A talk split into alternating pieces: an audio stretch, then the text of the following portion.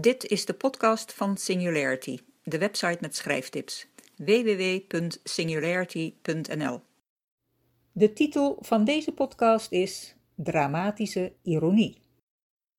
Als je lezer meer weet dan je personages in je boek, bijvoorbeeld wie de dader is, dan wordt dat dramatische ironie genoemd. Die voorsprong in informatie geeft geen verlies van spanning. Integendeel. Want als je als lezer weet dat je protagonist argeloos naar een geheime afspraak met de vuige slechterik gaat, of als hij in een verlaten huis niets vermoedend in de kelder afdaalt waar het monster op hem wacht, heb je de neiging nee, niet doen te roepen. Dramatische ironie kan heel veel bijdragen aan de spanning in je boek en de betrokkenheid van je lezer. En dat is niet beperkt tot thrillers en dergelijke.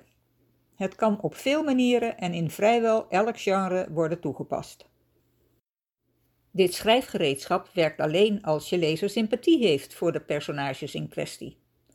Hoe meer je lezer van ze houdt, hoe spannender het wordt als er allerlei onheil dreigt voor zijn nietsvermoedende papieren vrienden. Hij kan ze niet eens waarschuwen.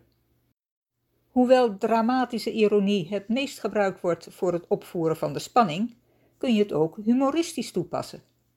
Misverstanden zijn daar een goede bron voor. Dramatische ironie kan ook tragisch zijn. Dan loopt het verhaal door de onwetendheid van je personage slecht af. Als hij niet op het nippertje aan het monster in de kelder ontsnapt. Als Romeo niet in de gaten heeft dat Julia niet dood is, maar slaapt. En hij zelfmoord pleegt. En Julia daarna ook.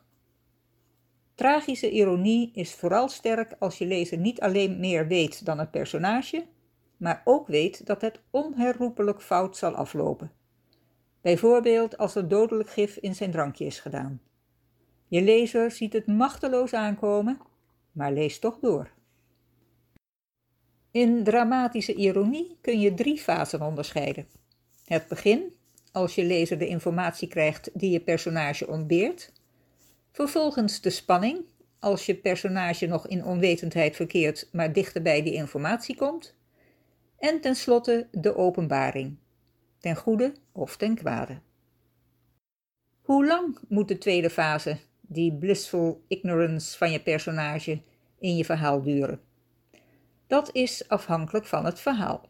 Het kan een paar minuten duren, of een uur, of zelfs het hele verhaal.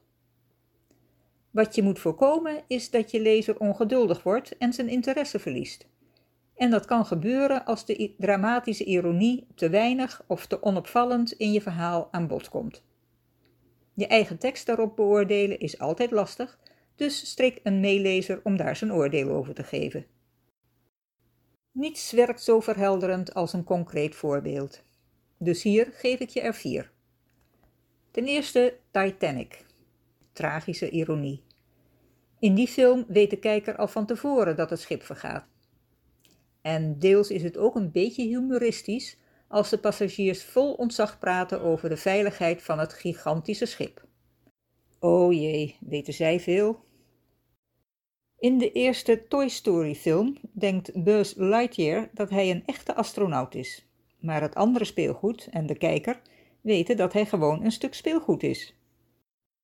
In The Silence of the Lambs zit tegen het einde een kanjer van een spannende dramatische ironie.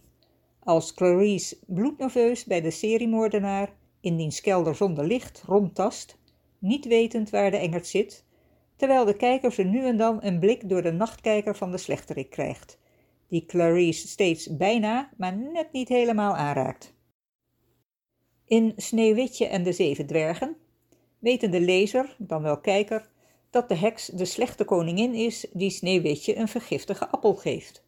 Maar Sneeuwwitje zelf weet het niet. En zo ben ik aan het einde gekomen van deze podcast. Tot de volgende.